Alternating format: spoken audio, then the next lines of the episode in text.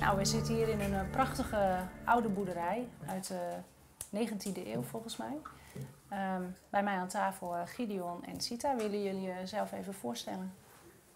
Zeker, ja. Gideon van Meijeren, ehm, Tweede Kamerlid namens Forum voor Democratie. Woordvoerder op het uh, gebied van landbouw. En dus nu ook uh, helemaal vastgebeten in het stikstofdossier. Ja. ja. Sita van Kijnpema, ik ben secretaris van Farmers Defence Force en ook woordvoerder. Daarnaast ben ik voorzitter van de Dutch Dairyman Board. Nou, dankjewel Sita en Gideon. Mijn naam is uh, Willeke Peet en uh, ik ben uh, boerin hier vlak in de buurt. En ik hou mezelf ook behoorlijk bezig met het hele stikstofdossier. Um, nou, wij zijn hier bij elkaar om een gesprek met elkaar te voeren over alles wat ons eigenlijk op het hart ligt en waar onze pijnpunten eigenlijk liggen in dit dossier. Um, nou, misschien Sita, wil jij uh, alvast uh, eens vertellen, waar ligt jouw grootste pijnpunt in, in dit dossier? Nou, dat is vooral. Um, gisteren was er een algemene vergadering van Zuivel NL. Nou, daar heb je in principe dus de mensen, de bestuurders. En als je daar ook zag hoe de emotie door de mensen heen gaat van wat er eigenlijk op stapel staat, wat het gaat betekenen voor de hele boerenstand. En dan ook mhm. echt emotie van, vanuit het hart, vanuit het eigen bedrijf dan uh, maakt het je opnieuw weer duidelijk hoe verschrikkelijk uh, het beleid is wat er nu is uh, over de schutting is gegooid. Want, ja. want, zo is het. En, en wat nog het meest verbijsterend is, is dat je kennelijk als, als Nederlandse burger, want boeren zijn ook burgers, ehm, helemaal niet meer van je overheid op aan kan. Want je hebt een vergunning die is je destijds verleend. Dat is een onherroepelijke vergunning. Dus als ik een huis koop ook, dan heb ik daar het recht om te wonen. Mhm. En opeens is er een, een, uh, een, kabinet wat zegt nee, je hebt wel een onherroepelijke vergunning. Daar mhm. heb je destijds ook voor geïnvesteerd. Maar vergeet het maar, we nemen je alles af. Ja. Want op het moment dat dat mogelijk is, dan betekent dat dat geen enkele burger in Nederland meer veilig is. Dan kan elk huis en elk gebouw en elk stuk land je weer mhm. worden ontnomen. Mhm. En dat we op een, nou, dan zit je in een dictatuur. Dan is de D in, in VVD, maar ook in D66 of CDA, is dictatuur. Ja. En, en de C is verworden tot communisme. Ja. Er zit geen moreel kompas meer bij dit kabinet. Nee. En ja, eventjes terughakend op wat je in het begin zei, hè? Het, uh, het effect wat dit gaat hebben op de, hele sector, maar ook op de periferie. Gideon, denk jij dat um, onze regering, um, dat er voldoende duidelijkheid in is en, en uh, in, in wat dit gaat betekenen. Voor, voor het platteland, voor de, hè, voor de landbouw en uh, voor alles wat daar omheen zit. Ja, sterker nog, volgens mij weet de regering heel goed waar ze mee bezig is. En dat is het hervormen van Nederland. Mhm. um, als onderdeel van een grotere internationale agenda. We kennen allemaal de plannen van uh, Tri-State City. -hmm. uh, wat er eigenlijk op neerkomt dat Nederland samen met Noord-Rijn-Westfalen en Vlaanderen een grote wereldstad gaat vormen. -hmm. Dat plan is in 2016 uh, gepresenteerd vanuit het bedrijfsleven en is omarmd door de Nederlandse regering. Ja. En als je die plaatjes ziet, dan um, zie je dat er in dat scenario 30 miljoen mensen gaan wonen in die tri-state city. Mm -hmm. En daar is geen ruimte meer voor uh, de landbouw zoals we die op dit moment in Nederland kennen. Mm -hmm. En wat voor mij het grootste pijnpunt is in deze hele discussie, is dat dit niet transparant en eerlijk verteld wordt. Mm -hmm. We moeten um, um, verslagen zien uit achterkamertjes op social media waar je ziet dat Rutte, wanneer hij in Davos zit bij het World Economic Forum, die agenda omarmt. Ja. En ook zegt wij gaan meewerken aan deze wereldwijde voedseltransitie. Ja. Zo ondersteunen de Sustainable Development Goals, die mm -hmm. ook door Tri-State City omarmd worden.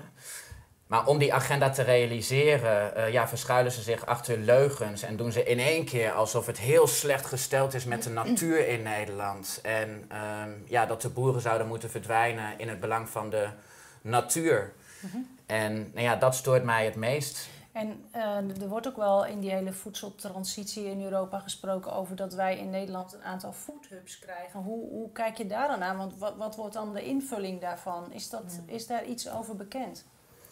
Heel weinig is daar nog over bekend, hoe dat precies vorm gaat krijgen. Wij hebben daar schriftelijke kamervragen over gesteld. Ja. En nou ja, zoals gebruikelijk worden we echt met een kluitje in het riet gestuurd over wat nou precies de gevolgen zijn voor Nederland. En met name ook voor onze voedselvoorziening. Ja.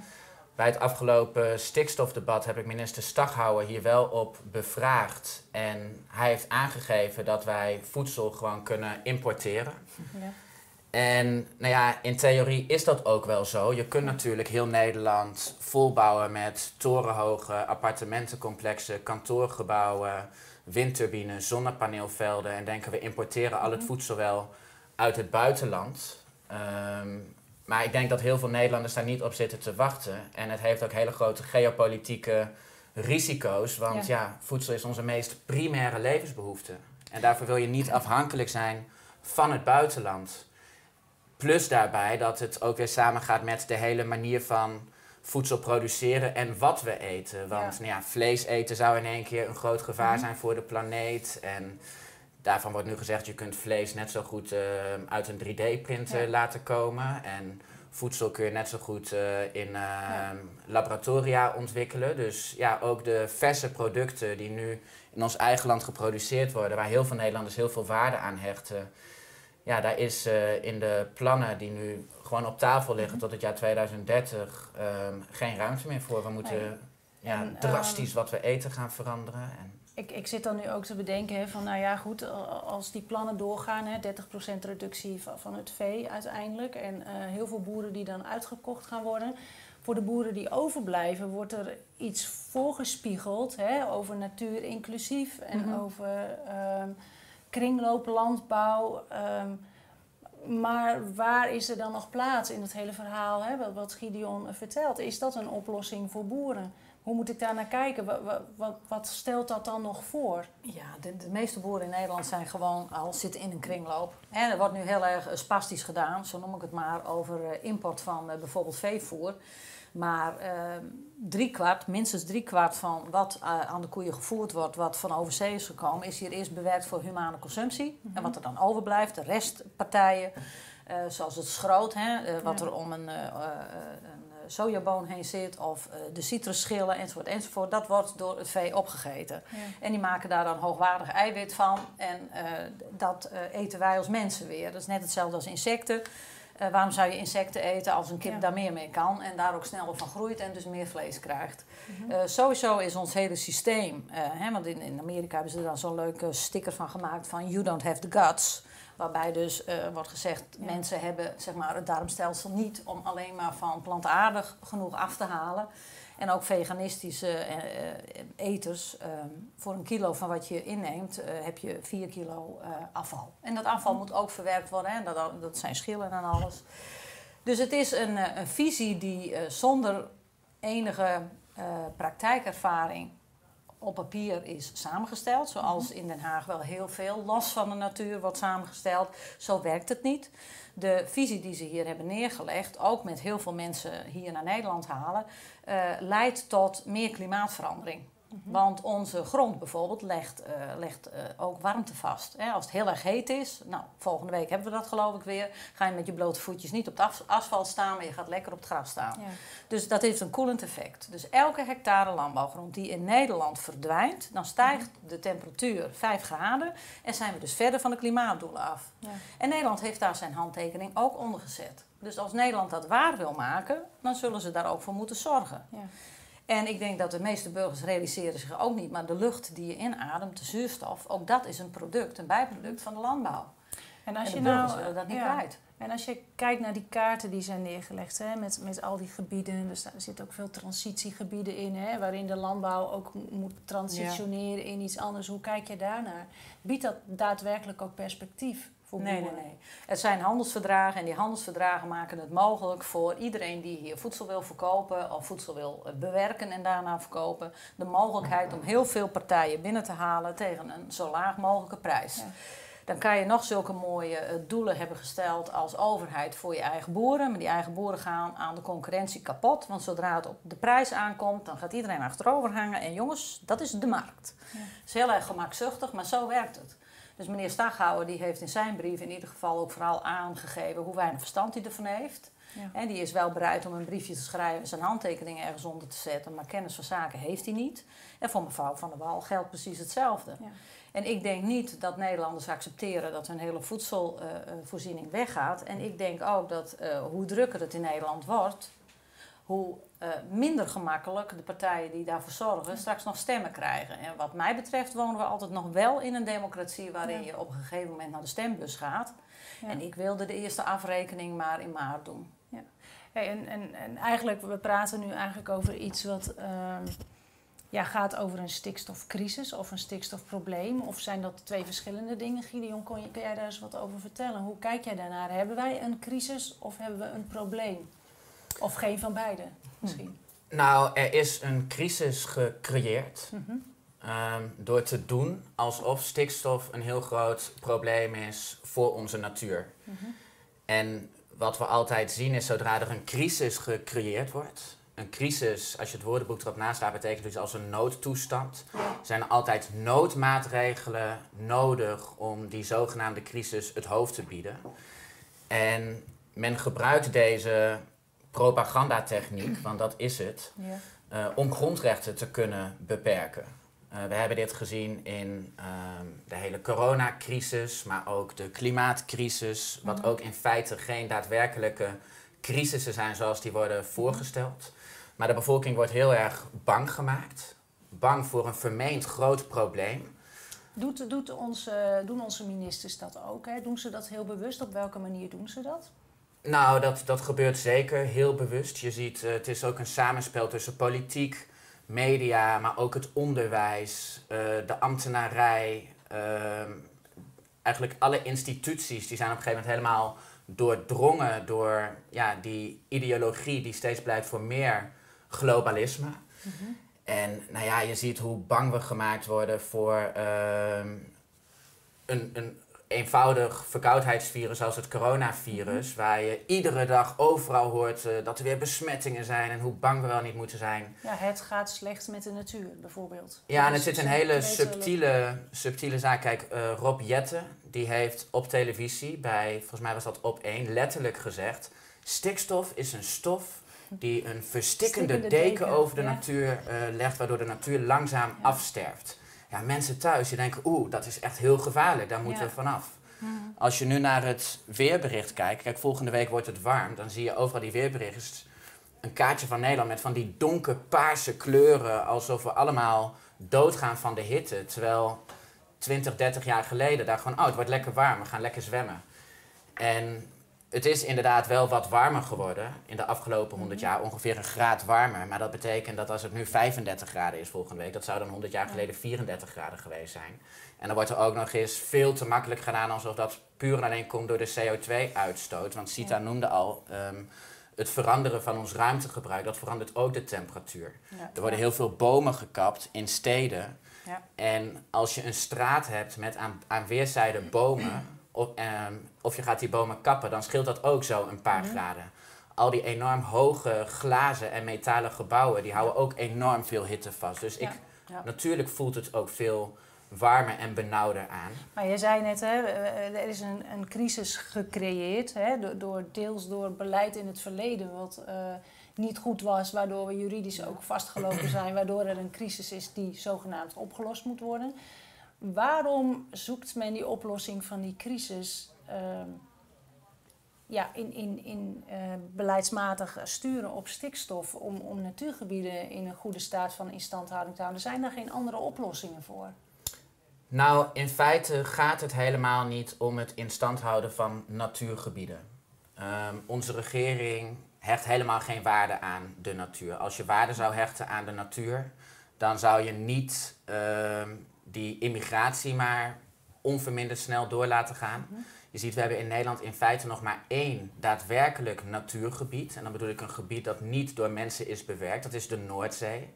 En uitgerekend de Noordzee wordt nu omgetoverd in een groot industrieterrein. Ja. Ja, Waar mega windturbines van honderden meters hoog neer worden gezet.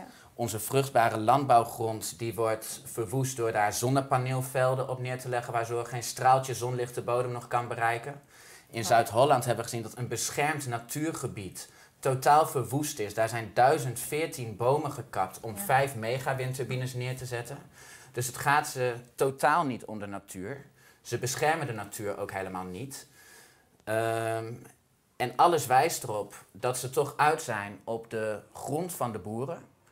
Ehm, überhaupt het kapotmaken van de agrarische sector. De agrarische sector is een ijzersterke sector.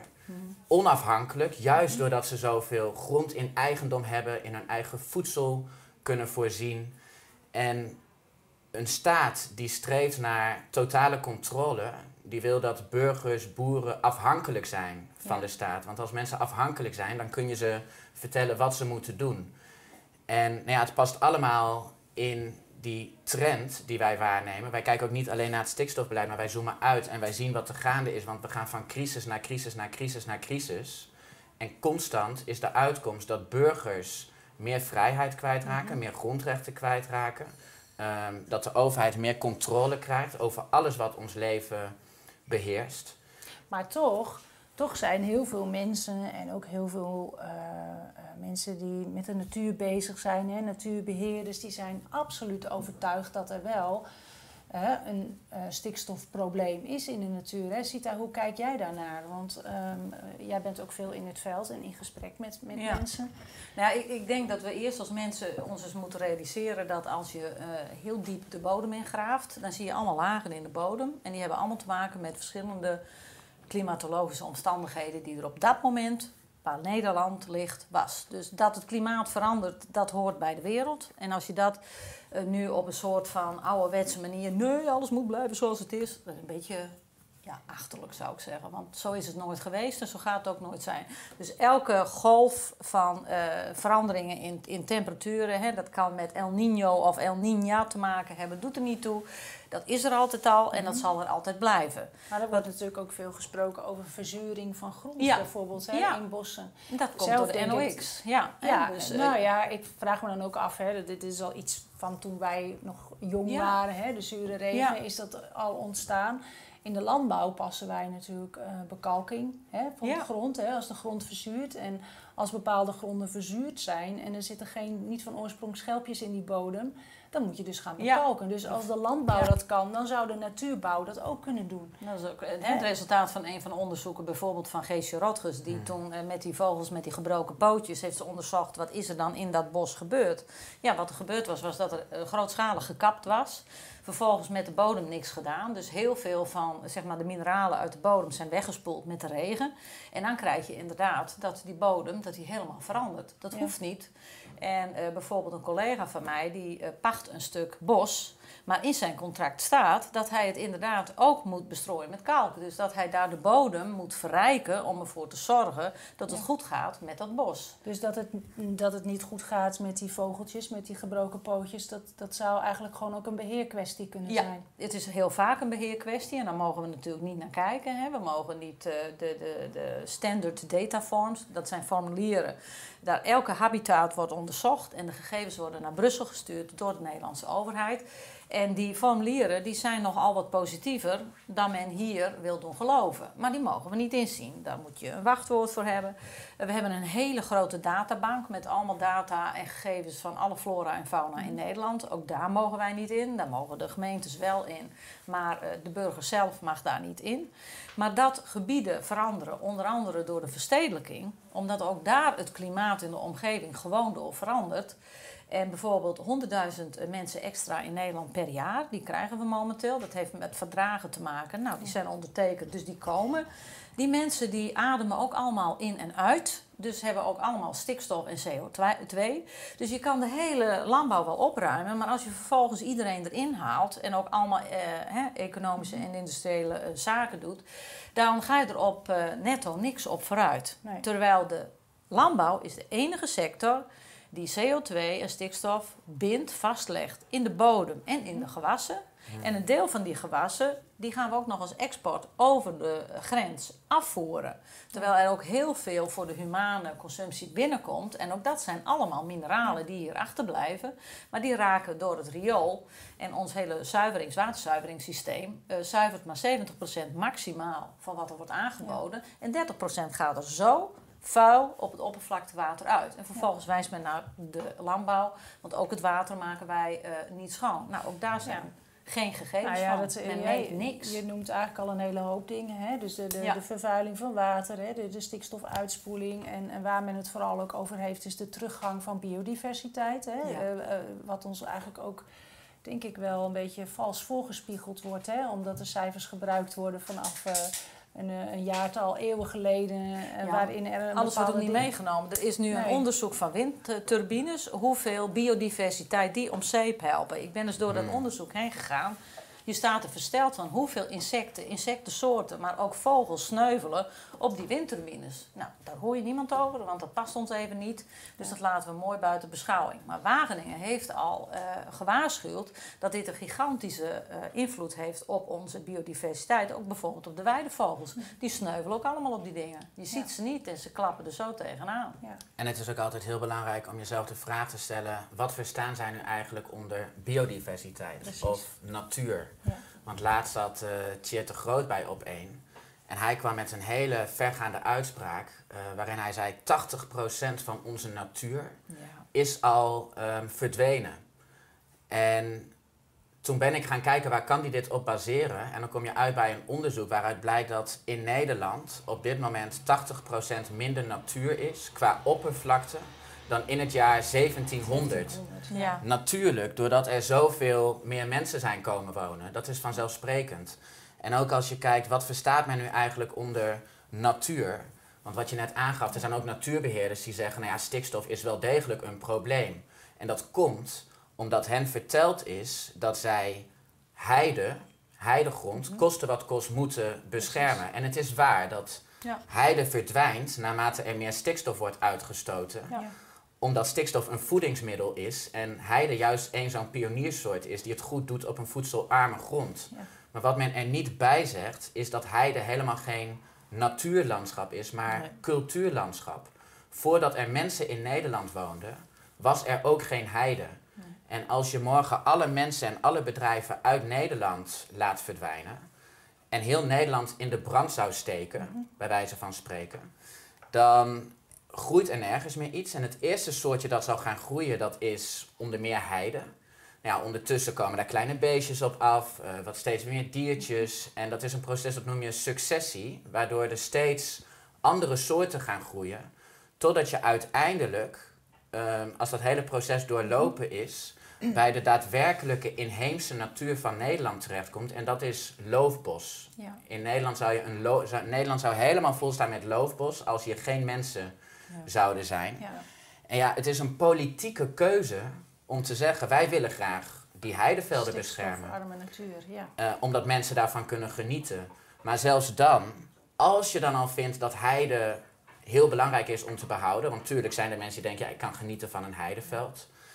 Ehm, dan zijn er ook hele andere oplossingen. Je kunt eh, schapen laten grazen op heide. Juist. Die eten dan constant die kleine boompjes die gaan groeien op. En daardoor blijft zo'n heideveld behouden. Maar je ziet dus, ze zijn ook niet geïnteresseerd in de daadwerkelijke oplossingen. We zeggen ook op het gebied van het hele klimaatschandaal, zeggen we ja, als je dan al vindt dat CO2-uitstoot zo gevaarlijk is, als je al denkt dat dat onze hele planeet gaat vernietigen als het hier 1 graad warmer zou worden, dan zou de meest logische oplossing zijn om een paar kerncentrales te bouwen. Ja. Ja. Maar nee, oh nee, dat willen ze niet.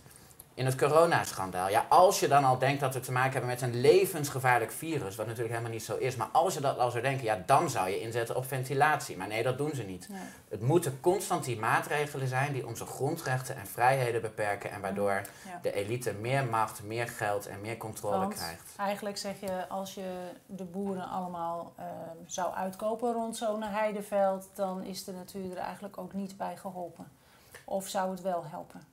Nou ja, zeker niet de natuur. Het kan zorgen voor andersoortige natuur. Ja. Hoewel er ook al heel veel onderzoek is gedaan, onder andere ook door Ja. Geesje Rotgers van Agrifax, Mhm. dat je ziet dat zelfs als je al alle boeren in Nederland zou laten verdwijnen, dan nog zou je die stikstofdoelstellingen nooit gaan halen. Mhm. Ja. Maar inderdaad, als de stikstofuitstoot drastisch verlaagd zou worden, dan kan dat betekenen dat ehm, plantjes, eh, begroeiing zoals heide, dat dat wat langer in stand blijft. Eh, maar je moet niet doen alsof, alsof daarmee de natuur beschermd wordt. Mhm. Want ja, stikstofuitstoot is niet slecht voor de natuur. Integendeel, het is een voedingsstof. Ja. En het zorgt voor andersoortige natuur. Dus dat is wel iets heel belangrijks wat er gewoon steeds niet bij verteld wordt. Mensen op straat die iedere dag die propaganda van het NOS-journaal en alle mainstream media voorgeschoteld krijgen, die denken dat stikstof een soort verstikkende stof is die slecht is voor de natuur. En dat is gewoon een grote leugen Ja. waar dit hele beleid op gebaseerd is. Is, is dat ook eh, niet het, eh, de grote frustratie van boeren, denk je, Sita? Ja. Dat zij natuurlijk, doordat zij hun vak uitoefenen en juist ook met stikstof, hè, met, de, Mhm. Met, met de productie van gras, maar ook met hun producten juist bezig zijn. Hè, want zij weten Ja. dat er stikstof en fos- fosfaat in bemesting zit en dat dat nodig is om Ja. de bodem eh, gezond te houden. Ja. En dan hoor je ineens van eh, stikstof, dat is niet goed of dat is. Hè, en, ehm, dus ligt daar ook in, in die, die onrechtvaardige benadering eigenlijk, of ja, dat boeren doorzien dat dat een leugen is, Nou, is dat ook Vooral een- ook dat het wetenschappelijk gewoon helemaal niet klopt. Ja. Wat je ook ziet, eh, ook inderdaad hè, in, in het nieuws. Er zijn een aantal nieuwszenders heel erg goed in het eh, vertellen van een half verhaal. Hè? Want laatst had de ombudsman van de NPO, die, die had wat over eh, on, eh, ehm, ja, onvolledige informatie of onjuiste informatie. Ik dacht, nou, dan zullen we het krijgen. Maar nee, er ging heel ergens anders over. Bijvoorbeeld dat ammoniak basis is en niet zuur. Dat hoor je nooit. Dat wij met z'n allen als burgers zo verschrikkelijk veel stikstof uitstoten... dat die hele eh, veestapel, dat maakt helemaal geen verschil als je die weghaalt. Eh, want wij komen met zoveel meer mensen, dan heeft het geen effect. Onze auto's worden niet meegerekend. Hè? Want die grote wegen die allemaal dwars door die Natura 2000 gebieden heen gaan... nou, daar hoor je niemand over in Den Ja. Haag. Eh, over de Amerscentrale, over Tata Steel, over de 10.000 vluchten die Schiphol helemaal niet zou mogen eh, uitvoeren. Of was het 100.000, ik weet het al niet eens meer. Dus er zijn zoveel factoren die momenteel niet meegenomen worden. Hè. Dat waren de mooie witte vlekjes op die eh, prachtige kleurplaat van mevrouw van der Wal. Er zitten allemaal hele grote uitstoters. Eh, ik woon in een, eh, bij een dorp. Dat dorp ligt binnen die straal van dat Natura 2000 gebied. Ik kwam daar wonen eind tachtiger jaren. En als ik nu kijk naar dat dorp, dat is twee derde, twee, drie keer groter geworden, zeg maar. Gaat het dorp dan ook weg? Want anders heeft dat voor dat Natura 2000 gebied, vooral met als je uitgaat van 1700. Hè, Ik vraag me af waarom je als politicus nog serieus genomen Ja. wilt worden met zulke cijfers. Maar ga je dan tegen al die mensen zeggen van nou, zoek het uit. Want D66 heeft natuurlijk in 2018 een kaartje gepresenteerd, ook van Nederland, waar ze alle huizen rondom die Natura 2000 gebieden, die moesten onteigend worden. Dat stond toen op het kaartje. Ja. Maar ja, daar krijg je geen stemmen mee. Dus toen dachten ze, weet je wat, dan doen we het nou gewoon voor de veestapel. Dat doet het veel beter in de stad, in de Randstad. En dat is wat heel veel boeren zeggen. Van dit verhaal klopt wetenschappelijk nul. Jullie willen helemaal niet, het gaat jullie helemaal niet om de stikstof. Want wat gebeurt er nou met, we gaan alles importeren.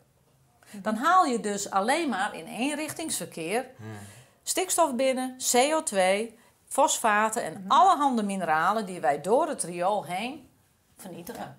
Nou hoor ik een hele hoop dingen hè, eh, passeren. Hè. We hebben het ook over natuurgebieden hè, en over stikstofdepositie hebben we het gehad. En over eh, andere stoffen die eh, misschien in een natuurgebied komen, maar ook dat Nederland steeds voller wordt. Ja. Dat we van A naar B reizen. En zou je eigenlijk kunnen zeggen dat die kritische depositiewaarden die hè, vastgesteld zijn, dat die misschien wel helemaal niet kritisch zijn voor eh, het, de instandhouding van die natuur, maar dat dat ook eh, hele andere factoren zouden kunnen zijn waarop gestuurd kan worden. Kun je er Ja. iets van zeggen, of misschien jij, eh, hoe dat in Europa geregeld is? Zijn wij verplicht om op stikstof te sturen? Of is dit echt een hele bewuste keuze die er in Den Haag gemaakt wordt? Nou, als je kijkt naar die eh, habitatrichtlijn, Ja. Ehm, die heeft een aantal bijlagen met flora en fauna, die vanuit de EU zijn aangemerkt als beschermenswaardige flora en fauna. Eh, er staat geen woord over stikstof, geen woord. Ehm, maar wel dat de lidstaten bij de inwerkingtreding van die richtlijnen natuurgebieden moesten aanwijzen ehm, waar een aantal van die soorten voorkwamen. Maar er was heel veel vrijheid in op welke manier dat zou gebeuren. En nou ja, Nederland heeft daar totaal ridicuul gehandeld door verspreid over het hele land hele kleine strookjes aan te wijzen waar dan wat heide ehm, aanwezig is. Maar ja, om nog even terug te komen op wat Sita net aangaf over dat alle pijlen gericht zijn op de landbouw. Dit is ook zo juridisch geregeld. Als je kijkt naar de wet natuurbescherming, dan staat daar dat ehm, voor alle activiteiten waarbij stikstof wordt uitgestoten een, een natuurbeschermingsvergunning nodig is. Ja. En dan staat er ehm, bij algemene maatregel van bestuur, dat is een besluit van de regering waar het parlement niet bij betrokken is, kunnen uitzonderingen gemaakt worden. En dat zit dan verstopt in een besluit. En daar zie je dat uitgezonderd van die verplichting om een vergunning te vragen, woningbouw, Ja. bouw van windturbines, bouw van zonnepaneelvelden, Ja. bouw van infrastructuur. Dus het gaat ze totaal niet om die stikstofuitstoot. Want dan zou je inderdaad ook gaan kijken naar alle activiteiten en alle Ja. bedrijvigheid die stikstof uitstoot. Ja, Dus ze zijn totaal niet geïnteresseerd in die natuurbescherming. Het is zo overduidelijk een aanval op de agrarische sector. Ze zitten gewoon naar kaartjes te kijken en ze denken, ja, Nederland willen we eigenlijk dat dat er heel anders uit gaat zien in 2030. Tweederde deel van de grond wordt op dit moment gebruikt voor de landbouw. Mhm. Daarvan denken ze dat dat moeten we niet willen. We kunnen net zo goed ehm, in elkaar geknutseld, genetisch gemodificeerd eten uit het buitenland importeren. Ja. En die boeren, daar willen ze gewoon van af. Ja, de boeren die zien de, doorzien de leugen hè, van wat er verteld wordt, die doorzien dit verhaal ook. Veel Hè, wel. en eh, er is een padstelling ontstaan nu hè, tussen de overheid die eigenlijk gewoon een plan neerlegt en gewoon zegt, ja, dit is wat wij gaan doen, punt. De provincies eh, mogen het gaan uitvoeren verder eh, Ja. Eh, alle agrarische organisaties ehm, eh, met hun achterban, ehm, belangenorganisaties, die zeggen nu van nee, we blijven nu op één lijn staan. We gaan niet in gesprek met die overheid zolang er eh, niet valt te tornen aan die kritische depositiewaardes en zolang de uitgangspunten niet anders worden. Denk je, Sita, dat die padstelling doorbroken kan worden? Wat kunnen boeren nu nog doen om, ja, met dit desastreuze beleid nog. Wat valt er nog te redden? Wat ehm, moet de regering vallen? Of wat, misschien heb jij er een idee over, Gideon? Ik, ik vind er zelf als boerin, ik heb er heel veel moeite mee om nu te- ja, een antwoord te vinden op van Ja. hoe moeten we nu verder? Wat, wat vind jij? Nou, in ieder geval niet opgeven, dus doorgaan met demonstreren. Want je ziet dat heel veel burgers moeten zich nog bewust worden van wat er aan de hand is. En dat worden ze doordat ze erop gewezen worden. En natuurlijk, eh, we moeten heel veel druk leggen bij die provincies, die straks ook worden geconfronteerd met eh, veel minder inkomsten, veel meer, minder bedrijvigheid. Want we hebben inderdaad de Randstad, maar we hebben een veel groter gebied, dat is het landelijke gebied, wat grotendeels voor de banen afhankelijk is van eh, de agrarische sector. Eén boer geeft meestal wel tien mensen werk, direct of indirect. Eh, je ziet ook dat eh, dus in, die, eh, in dat landelijk gebied willen de mensen de boeren ook niet kwijt. Want we houden van het landschap zoals het er nu uitziet. Ja. En ik zou het verschrikkelijk vinden als de huizen tot aan mijn deur kwamen. Daarom woon ik ook niet in een dorp, maar erbuiten. En dat hou ik ook liever zo. Maar eh, ik denk dat wij die provincies, daar valt nog wel heel veel te doen. En kijk, willen ze echt niet, dan hebben we straks halverwege maart 2023 verkiezingen. En als je dan verstandig kiest, krijg je een hele andere Eerste Kamer. En dan opeens heb je wel weer het vermogen om wetten gewoon af te keuren. Dat als daar een regering zit die zegt de doelen zijn de doelen, dan, zegt, dan kan een Eerste Kamer ook zeggen prima. Ons doel is ook ons doel en wij willen dit niet voor Nederland. Dus wij gaan volhouden en wachten tot de provinciale verkiezingen. Ja, bijvoorbeeld. En, Ja, nou, je moet volhouden, je moet eh, die burgers blijven laten zien wat er gaat gebeuren. Eh, we zijn afhankelijk geworden van eh, eh, eh, gas uit Rusland. Nou, wat een succes. Want nu hebben we dan eh, het vooruitzicht dat wij eh, misschien eh, het koud krijgen aankomende winter. Maar de kolencentrales zijn ook weer opgestart. Dus de eerste die zowat op tafel stond te springen en te dansen, dat de kolencentrales naar eh, 20% eh, eh, teruggingen. Eh, wel voor een gigantisch eh, vermogen per jaar wat die kolencentrales krijgen. Als een soort goedmakertje, omdat ze hè, de lucht niet verpesten. Maar dat gaan we nu weer gewoon doen. Dus de CO2 en stikstofdoelen worden ook niet gehaald door de kolencentrales. Want je krijgt heel veel eh, fijnstofdeeltjes in de lucht. En dat is dat stukje verzuring. Hè. Die fijnstofdeeltjes die gaan aan waterdeeltjes. En dan heb je een ammoniakdeeltje nodig om dat te neutraliseren. En dat is ook waarom bijvoorbeeld eh AdBlue, dat is gewoon ammoniak. Ammoniak is basis, dus die verzuurt niet, die doet precies het tegenovergestelde. Dus Wat, wat moeten boeren, wat kunnen boeren nu nog doen? Hè? Want eh, ja, als die padstelling voorlopig blijft en er Ja. wordt niet gesproken en ehm, er wordt ook verder geen perspectief geboden. Hè? Staghouwer moet nog eh, aan de slag met, een, eh, met iets nieuws komen om misschien dan toch Ja. boeren over de streep te trekken. Ehm, als die padstelling blijft, wat, wat kunnen boeren nog in de tussentijd doen aan, aan acties? Wat zijn nou nuttige acties om juist wel te doen of niet te doen? En hoe kunnen wij als boeren ook eh, de, de burgers, hè, de niet-boeren, betrekken ehm, bij deze hele problematiek? ehm, eh, zodat zij beginnen te begrijpen Ja. waar het probleem eigenlijk ligt. Nou Wat, wat kunnen we doen? Je kan met een paar boeren bij een supermarkt gaan staan en daarin eh, een, een klein blaadje met tien regels vertellen van wat er nou eigenlijk aan de hand is. Daar zou je ook nog een QR-code op kunnen plaatsen, zodat je naar de site gaat waar meer informatie is van wat gebeurt er eigenlijk met Nederland op dit moment en wat is dat verhaal van stikstof. Is stikstof echt de reden dat het in sommige natuurgebieden eh, minder goed gaat? Of zijn er andere redenen? Nou, dan kan je mensen ook eh, laten zien dat stikstof maar voor 15% het probleem is en dat het inderdaad het beheer dat dat het grootste eh, probleem is, het eh, achterblijvende beheer. En daar waar boeren beheren gaat het ook vaak heel goed met de natuur.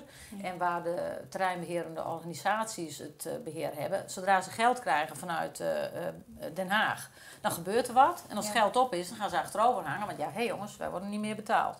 Dus wat boeren moeten doen is, of niemand moet wat, maar als je wat wil bereiken, is het heel belangrijk dat je die burger, dat je die aanspreekt op eh, waar hij jou voor nodig heeft. Dat is namelijk als consument voor zijn eten. Dus je kan eh, bij supermarkten kan je mensen heel goed informeren. En voor de rest ga naar die ambtenaren in de provincies. Laat dat niet los. Blijf die druk heel erg hoog houden. Want dat zijn straks de mensen die ermee worden geconfronteerd. Dat ze bij de provinciale verkiezingen Ja. eh, wel worden weggestemd. Ja, en wat kan er in de Tweede Kamer? Kan daar ook nog invloed uitgeoefend worden? Ja, ik wil wel even heel kort reageren op wat Sita zojuist aangaf.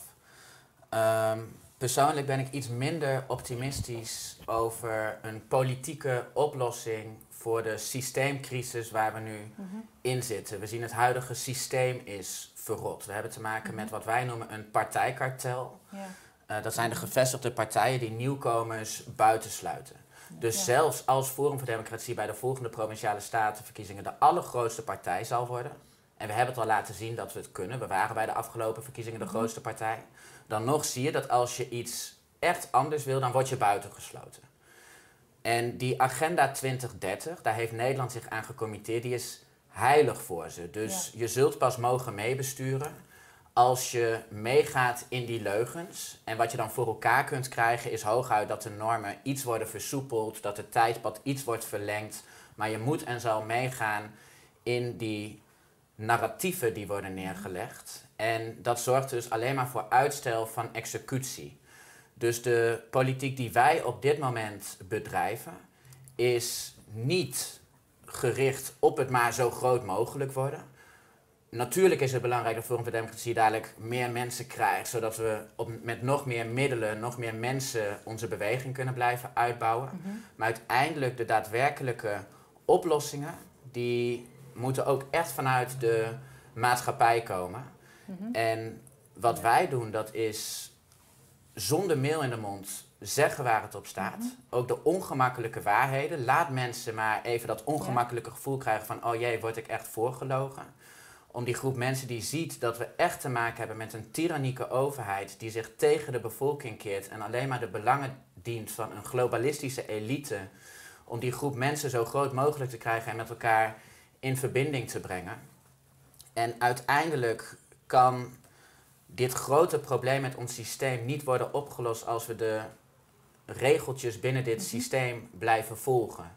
Ja. Ehm, als je gaat demonstreren in weilanden die zijn aangewezen door de burgemeester en daar komt op het tijdstip dat je welkom bent en weer moet gaan wanneer je weg moet, ja, dan ben je geen bedreiging voor de macht. Mhm. Dus wij pleiten ook heel expliciet voor burgerlijke ongehoorzaamheid.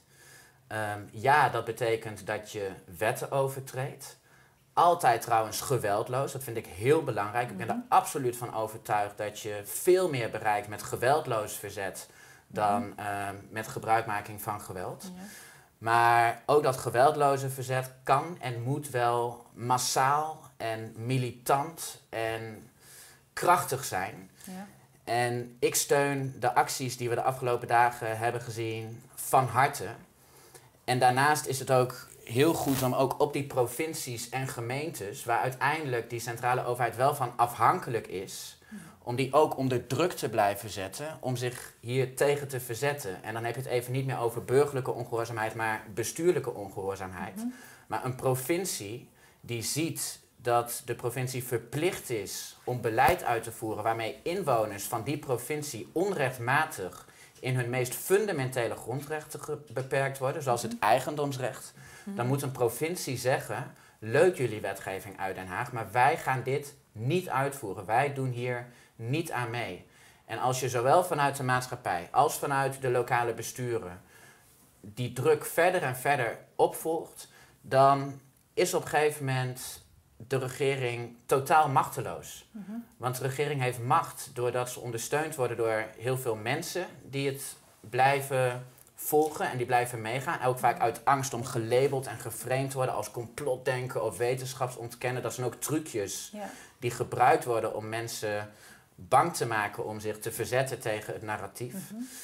Ehm, daarom ben ik ook al wat minder optimistisch over de verkiezingen. Omdat je ook ziet, ja, er is eigenlijk geen sprake van eerlijke verkiezingen. Doordat de media totaal in handen zijn van ehm, de staat. En dan heb ik het niet over de nieuwe media, zoals hier Weltschmerz, maar ook Ja. tal van andere platforms. Maar er valt toch bijna niet tegen op te boksen tegen die gesubsidieerde media die 800 miljoen per jaar krijgen en iedere avond, eh, iedereen hoeft zijn televisie maar aan te zetten en het wordt alle huiskamers ingeslingerd. Dus heel veel mensen die zitten ook verstrikt in die leugens. En ehm, ja, daarom blijven wij er met name op hameren om zoveel mogelijk mensen te bereiken. Ehm, en we hopen dat zoveel mogelijk mensen zich uitspreken, want wij kunnen het echt niet alleen in de politiek. Het is belangrijk dat iedereen zich uitspreekt, berichten deelt. Ik denk dat je daar uiteindelijk eh, de zittende Zorgen, macht het meeste ja. pijn mee doet. En ervoor kunt zorgen dat uiteindelijk echt dat systeem in elkaar stort. Zodat wij als Nederlanders, als burgers, het Nederlandse volk de macht weer terug kan pakken. Want dat is democratie. Ja. De macht moet liggen bij het volk. En dat is op dit moment gewoon niet het geval. Ik zou op dit moment misschien niet zeggen dat we nu al in een dictatuur leven. Maar het is zeker geen rechtsstaat. Want Sita gaf net aan, het recht heeft op dit moment niet meer het hoogste gezag. Rechtsregels worden met het grootste gemak opzij geschoven. Grondrechten worden op eh, leugenachtige wijze onder valse voorwendselen beperkt. Maar we leven zeker in een, wat ik dan noem, een postdemocratisch tijdperk. Want van een democratie is simpelweg geen sprake meer. En eh, ja, we moeten die macht echt terug gaan grijpen met En elkaar. wat zeg jij eh, over, je, je, je, je zegt met name van jongens, boeren, blijf protesteren en met name ook richting, eh, hè, zoek het gesprek op met de provinciale en misschien lokale politiek om, om ook te gaan verzetten tegen Den Haag.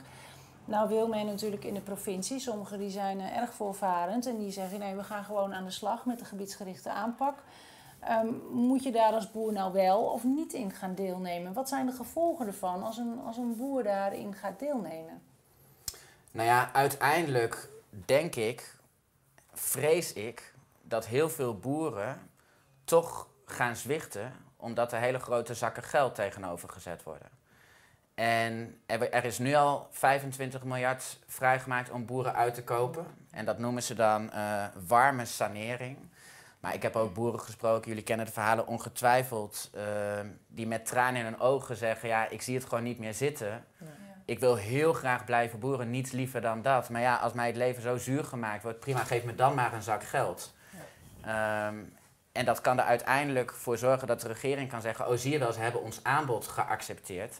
Maar dat zorgt er uiteindelijk nog steeds voor dat die agrarische sector gaat verdwijnen. En wij maken ons echt hard voor het behoud van die agrarische sector. Dus ik zou tegen alle boeren willen zeggen, blijf je verzetten. Ga niet mee in de leugens. En ja, als je ze één vinger geeft, dan willen ze je hele hand.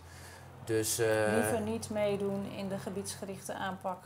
Nee, Eh, ik zou die maatregelen die worden opgelegd om, ehm, die erop gericht zijn om de stikstofuitstoot terug te dringen, om daar niet in mee te gaan. Dan ga je namelijk toch mee in die leugens. Mhm. En zeker ook nu dat er dan een bemiddelaar wordt aangewezen die moet gaan praten. Even los van het feit dat het Remkes is. Hoe verzinnen ze het? Ja. Ja. Ehm, ongelooflijk. Het lijkt bijna alsof ze willen dat de vlam in de pan slaat.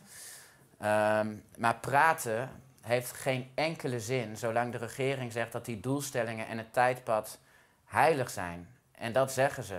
En de boeren hebben de deur en de vloeren bij het ministerie van NFV platgelopen de afgelopen jaren. Ze hebben genoeg gepraat, zich heel constructief opgesteld, alternatieve plannen laten zien. En je ziet, het maakt ze gewoon helemaal niets uit. De boeren Nee. die worden gewoon, er wordt totaal niet naar ze geluisterd. Ze worden volstrekt genegeerd, gedemoniseerd. eh, ten onrechte op een hele vieze manier geframed alsof ze eh, gewelddadig zouden zijn. Ja. Waarbij ook de grootste leugens niet geschuwd worden. Dus ehm, met de huidige overheid, het huidige regime noem ik het eigenlijk, valt gewoon eh, niet te praten. Nee. Heb jij nog iets aan toe te voegen, Sita? Nou ja, je ziet nu dat ook niemand dus, eh, eh, zich aanbiedt om opgekocht te worden. Er is nog niemand. Dus het vertrouwen in de overheid is nul. Eh, dus dan denk je van ja, ik kan mijn bedrijf wel aanbieden, maar ik, ik krijg toch niet wat meer wordt toegezegd. hè. En er zit ook een, een beroepsverbod aan vast. Ja. Ja. Daarom, dat is eh, ook in de Europese rechten van de mens is een beroepsverbod is gewoon verboden. Maar ook daar heeft eh, Rutte vier lak aan. Dus je ziet dat de rechtsstaat door deze partijen, deze coalitie, in ieder geval helemaal niet beschermd is, maar eerder eh, verder eh, eh, ja, te gronden wordt gericht. En je hoort zo nu en dan iemand belerend eh, vertellen dat eh, de boeren hebben zich maar aan de rechtsstaat eh, te houden. Dan denk ik, nou begin er eerst zelf eens mee. Hè? In je partij waarin allerlei ellende is en waar niemand zich veilig voelt. Dus daar eh, is eh, wat dat betreft in eigen huis nog genoeg aan te doen. Maar je ziet dus dat het vertrouwen van de boeren is nul in de overheid. Daardoor melden ze zich nu ook niet aan om opgekocht te worden. Inderdaad, het beroepsverbod is, is één ding.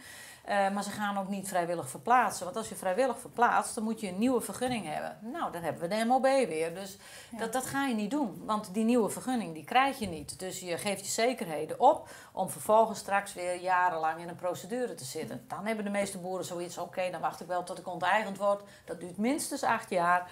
Want ik denk niet dat ze de regelgeving eh, wat dat betreft eh, zo snel veranderd krijgen. Dat Nee. ook het onteigeningsproces bespoedigd kan worden. En dan heb ik nog steeds een beetje hoop dat de rechters in Nederland... die hebben vreselijk veel spijt gehad van hun houding eh, met de toeslagenouders. En die hebben spijt betuigd en gezegd, ja, dat had niet gemoeten. Hè. Wat er wordt bepaald door Den Haag moet je niet altijd als recht, eh, rechters zo opvolgen. Dus aan hen doe ik een dringend appel. Kijk hier nou ook eens naar van hoe is de wet bedoeld... En hoe wordt die nu over mensen heen geworpen en vermozzelt die mensen? Nou, we hebben het over ontzettend veel eh, dingen gehad. En eh, deze uitzending is natuurlijk ook vooral bedoeld voor mensen die eh, nog niet zo heel goed begrijpen hoe het allemaal eh, in elkaar steekt. Ik wil jullie heel hartelijk bedanken voor, eh, voor dit bijzondere gesprek. En eh, ik hoop dat heel veel mensen hier ook echt iets aan hebben. Dankjewel. Graag gedaan, bedankt.